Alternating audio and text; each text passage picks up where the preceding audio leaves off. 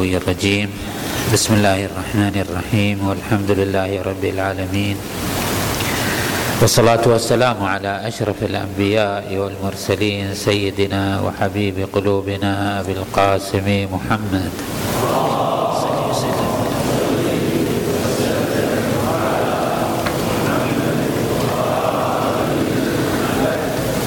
اللهم صل وسلم على محمد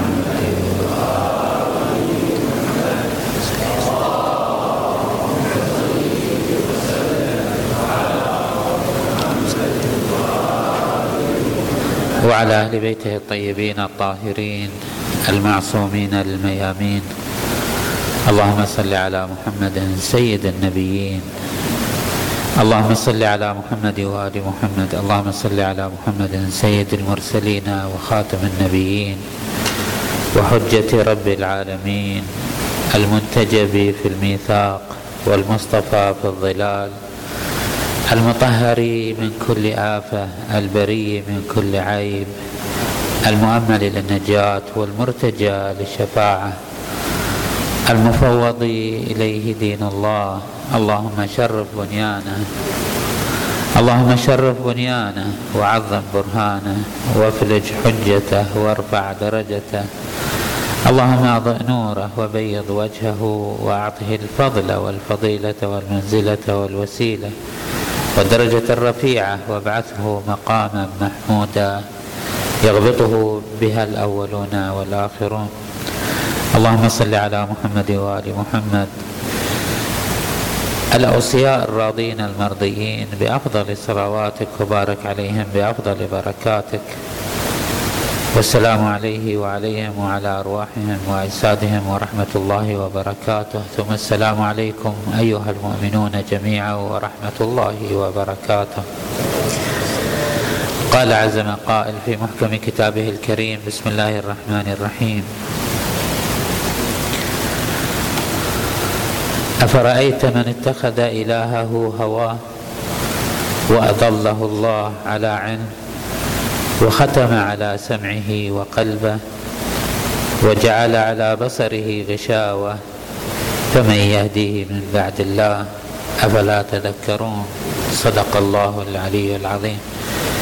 كنا تحدثنا في الأسبوع المنصرم عن متابعة النفس ومعرفة النفس وأدراك هذه الجوهرة التي في عمق الإنسان وأنه كيف هي متقلبة متبدلة وكيف أنها مع بساطتها وشفافيتها وسهولتها إلا أنها في نفس الوقت عميقة وعميقة إلى حالة من الإبهام والغموض. حتى قيل أنه من عرف نفسه فقد عرف ربه.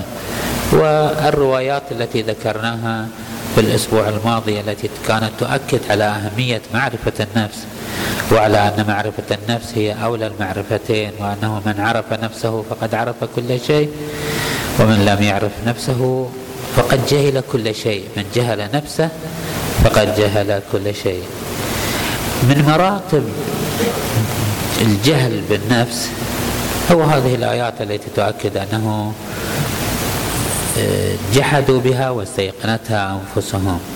أي أن الإنسان في بعض الأحيان يصل حالة من النسيان والغفلة والأهمال للنفس حتى تصبح النفس أعدى عدوك. بل هي دائما وابدا أعدى عدوك. ولكن أن تتحول إلى هذا المستوى من التمزق الداخلي في نفس الإنسان أنه ينكر ما تقر به نفسه. وهذه الآية التي بين أيدينا تبين هذا المعنى. أضله الله على علم هو يعرف ويدرك هو في أعماقه توجد هناك مكنون معرفة ولكنه مع ذلك لا يستثمر لا يستثمر هذه المعرفة بل تصبح عنده حالة من الضلال والغموض والجهل. بل أنه يصبح هواه هو إلهه ويجعل من إله لاحظوا هنا ملاحظة لغوية في الاتخاذ هو عادة يقال اتخذ الأرض فراشا يعني جعل من الأرض فراش حسب تعبيرهم واصطلاحهم أنه المفعول الأول هو الأرض والمفعول الثاني هو الفراش يعني صنع من الأرض فراشا. قد يتبادر في ذهن البعض أن الآية عكس الكلام يعني اتخذ هواه إلها يعني كان يتبع هواه. الآية لا تريد أن تقول هكذا تريد أن تقول أنه جعل مما جعل كان يؤله ما يهواه. أينما ذهب به الهوى؟ أينما شط به الهوى؟ وسبب النزول يقال أن هذه نزلت في قريش. الذين كان الذين كانوا يستهون بعض الأصنام فيعبدونها ثم يغيرون إلى أصنام أخرى فيعبدونها وهكذا. والأسف وإن عرض له الغضب اشتد به الغيظ.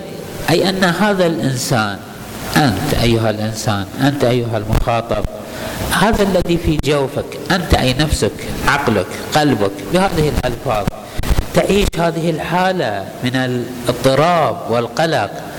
إن أملت شيئا أخذك الأمل إلى حالة من الحرص والطمع. وإن يأست ذاك اليأس إلى حد الأسى والأسف. وإن أسعده الرضا مقابل إن عرض له الغضب اشتد به الغيظ وإن أسعده الرضا نسي التحفظ. إذا رضى استرسل مع الرضا إلى حد أنه لا يزن الأمور لا يتحفظ. وإن غاله الخوف شغله الحذر. وأن اتسع له, اتسع له الأمر استلبته الغرة. إذا هو هذا حال الإنسان هو حال, حال بنية الإنسان. وذلك لتوضيح خلفية هذه الحالة أن الإنسان في خلقته يمر بمراحل ثلاث.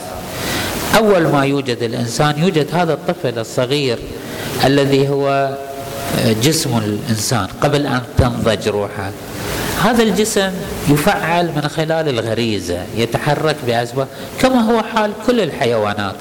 وهذه الغريزة تدفعه للحفاظ على نفسه. هذه الغريزة تدفعه للأكل والشرب والبحث عن كل ما يوافق بدنه وهذه حالة صحية وجميلة. هذه الحالة الغريزية تدفع البدن إلى أن يحافظ على مصلحته وبنيته وبقاءه أيضا. ولكن هذه الغريزة عندما تسترسل فإنها تتمظهر بمظاهر الحيوانية كما هو حال كل الحيوانات. تلاحظون الحيوانات تتشاجر وتتقاتل في سبيل الطعام. لا يوجد عندها حدود لا يوجد عندها منطق لا يوجد عندها قانون. الإنسان فيه هذه الغريزة ولعله تجدون من الأطفال هذا الشكل من السلوك. يتقاتلون على ما يرغبون فيه. بلا منطق ولا حجة ولا دليل ولا قانون ولا ضبط. ولكن الإنسان ينمو وتنمو عنده قوة أخرى وهي قوة العقل قوة الإدراك.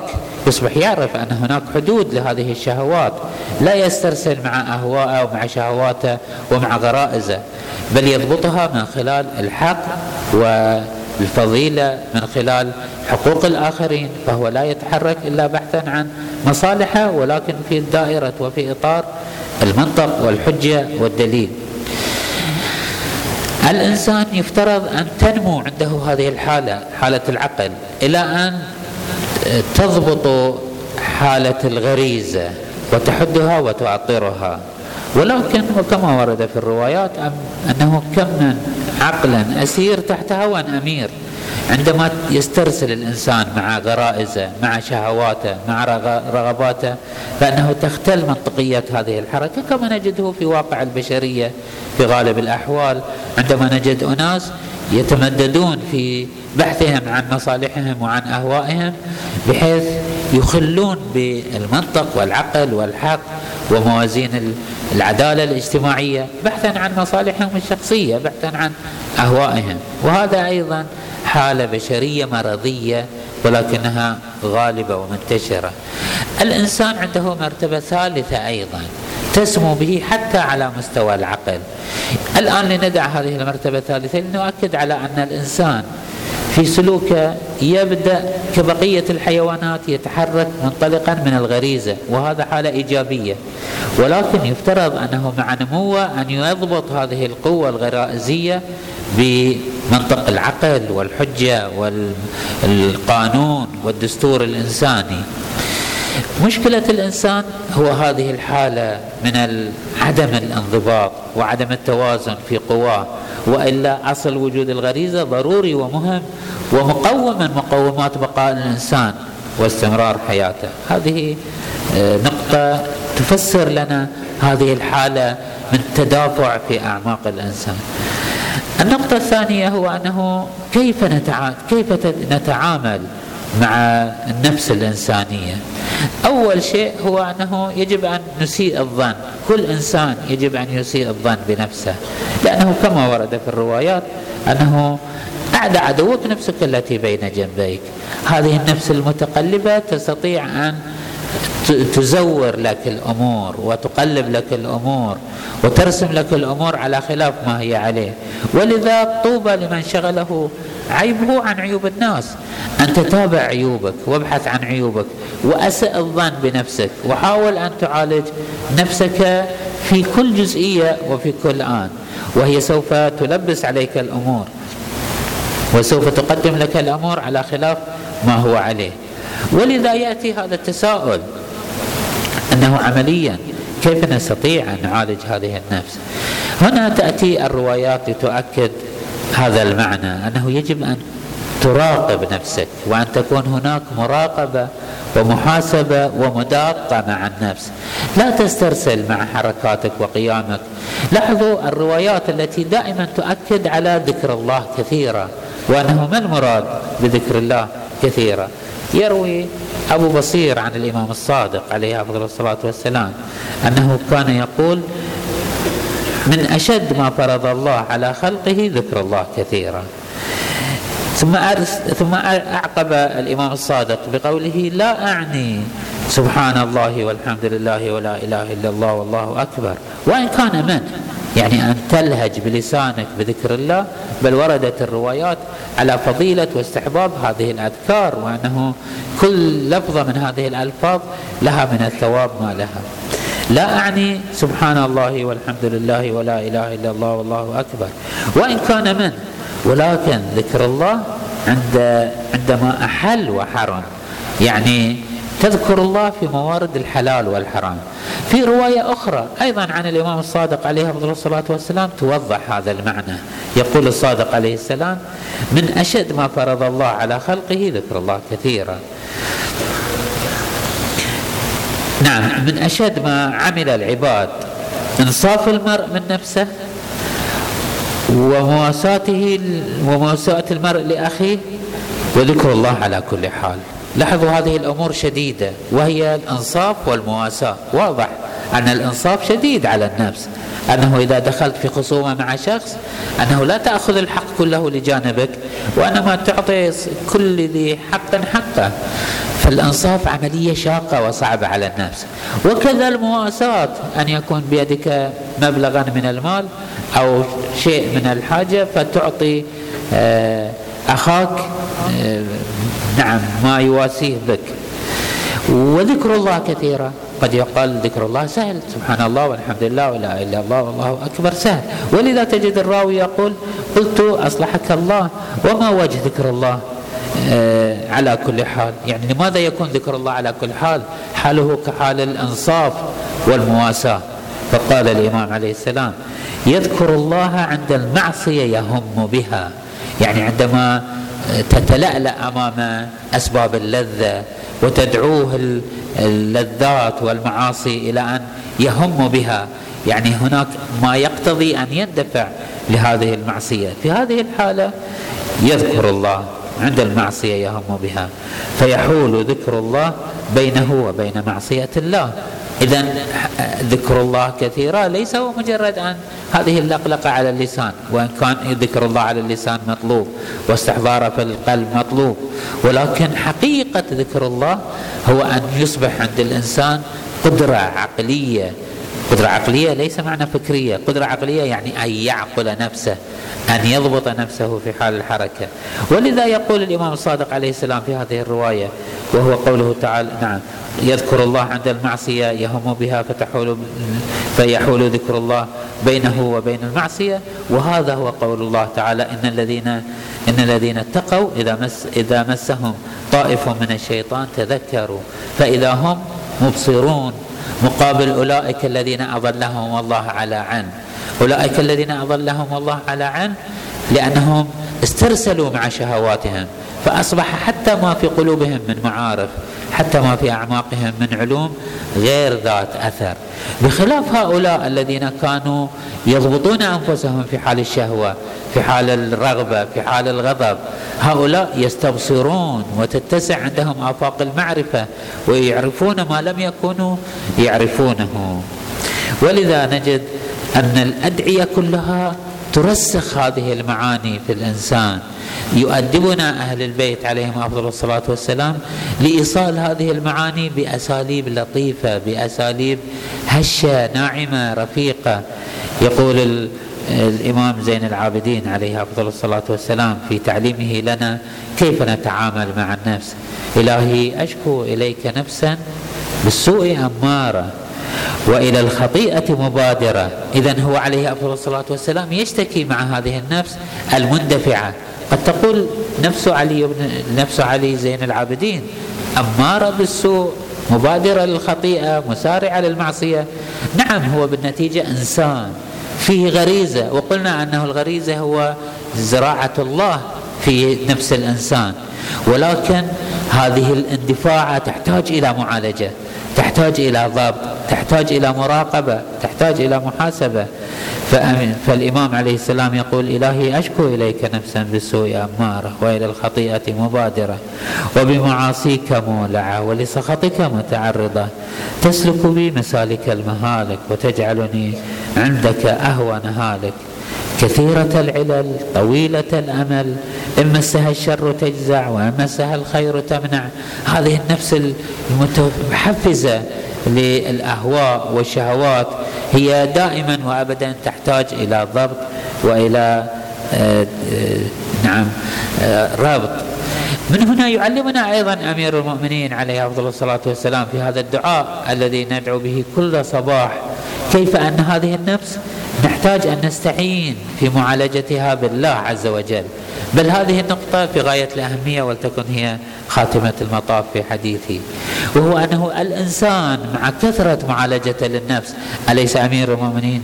هو الذي يشتكي من آه، تمرد النفس أمير المؤمنين علي بن أبي طالب الذي ضبط نفسه حتى أنه يقول لأروضنها رياضة تهش معها إلى الخبز اليابس إن وجدته. يعني يضبط نفسه حتى أنها تشتهي يوصلها إلى حد أن تشتهي أن تلتقم خبزة يابسة ومع ذلك يحرمها من ذلك. إن وجدته. يعطيها بمقدار ما هو يقرر أن تأخذ هذه النفس. ومع ذلك هذا أمير المؤمنين في مقامه وفي قدرته وفي ضبطه هو يقر يقر لله عز وجل بقوله إلهي إن لم تبتدئ إن لم تبتدئني الرحمة منك بحسن التوفيق فمن السالك بي إليك في واضح الطريق. لولا العناية الإلهية إذا لم تعينني التدبير الإلهي والعناية الإلهية فأنني سوف تأخذني نفسي إلى مسالك المهالك. وأن أسمتني أناتك لقائد الأمل والمنى. إذا أنت بسعة رحمتك وأناتك وفضلك تركتني مع مناي وآمالي وطموحاتي. فأين سينتهي بي المطاف؟ فمن المقيل عثراتي من كبوات الهوى فسوف يأخذني الهوى إلى موارد الكبوات. وإن خذلني نصرك عند محاربة النفس والشيطان فقد وكلني خذلانك إلى حيث النصب والحرمان. إذا هذه النفس الإنسانية هي متمردة هي بذاتها وبصنعتها تحتاج إلى أن تكون شحنة من الانفعال ومن التفاعل ومن الأنانية ومن الأهواء والرغبات ولكنها يجب أن تؤطر بالعقل. وهذا التأطير يحتاج أن يكون متابعة دائمة. ليست العملية عملية آنية ليست العملية عملية جراحية آنا ما بل يحتاج الإنسان في كل عمره في كل آناته في كل حركاته وسكناته يعاني المؤمن نفسه منه في عناء دائما وابدا. هو في حالة مجاذبة وفي محالة وفي حالة متابعة وفي حالة محاسبة وفي محالة وفي حالة سوء ظن ومداقة مع النفس. وذلك كما يعلمنا أيضا أمير المؤمنين في خاتمة مطاف دعاء الصباح هذه المراحل الثلاث. إلهي قلبي محجوب. آخر شيء ماذا يقول عليه أفضل الصلاة والسلام؟ يقول طاعتي قليل ومعصيتي كثير. إذا كانت الطاعة قليلة والمعصية كثيرة سوف تنعكس. سوف يكون قلبي سوف يكون عقلي مغلوب وهو يغالب. وماذا يحصل بذلك؟ سوف يكون هناك قلبي محجوب. يعني إذا زادت المعصية سوف يكون هناك اختلال في موازين القوى في أعماقك. في مملكة النفس سوف تكون القوى للشيطنة للغريزة للحيوانية للشهوات لطلب المتعة.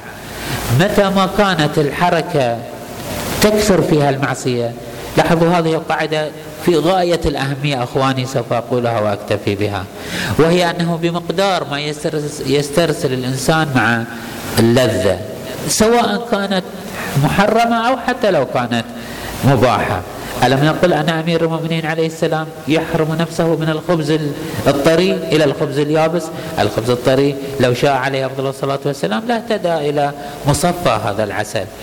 ومصفى هذا العسل ليس حراما ولكنه يتأبى عن أن ينقاد لنفسه. فأولا متى ما استرسل الإنسان مع شهواته سوف يفضي ذلك به إلى اختلال قواه وضعف عقله وغلبة هواه. إذا ضعف العقل وغلب الهوى سوف تنطمس عنده الرؤية. سوف يصبح قلبه محجوب. لن يعرف الحق لحق لصاحب الحق. أعاذنا الله وإياكم. إذا كان هذا الإنسان كثير اتباع الأهواء والشهوات الذي غلب هواه عقله لو كان في زمن أمير المؤمنين لما اهتدى هل علي مع الحق أو معاوية؟ من يظل, من يظل بين علي ومعاوية؟ من يتيه بين يزيد والحسين؟ نعم الإنسان متى ما اتبع شهواته وانقاد مع المعاصي فإنه سوف تختل عنده المعايير وسوف يقع في حالة من الإبهام ولن يعرف الحق لأهله ولن يعرف. من هو محق ومن هو مبطل. نرجو من الله سبحانه وتعالى أن لا يتركنا لأنفسنا طرفة عين أبدا وأن يأخذ بأيدينا إلى ما فيه نجاتنا في الدنيا والآخرة وأن يرفع من شأننا وأن يأخذنا إليه بجذبة من ونظرة من وأن ينظر إلينا نظرة رحيمة يحيي بها قلوبنا ويصلح بها شأننا في ديننا وأخرانا والحمد لله رب العالمين. وصلى الله على محمد وآل بيته الطيبين الطاهرين.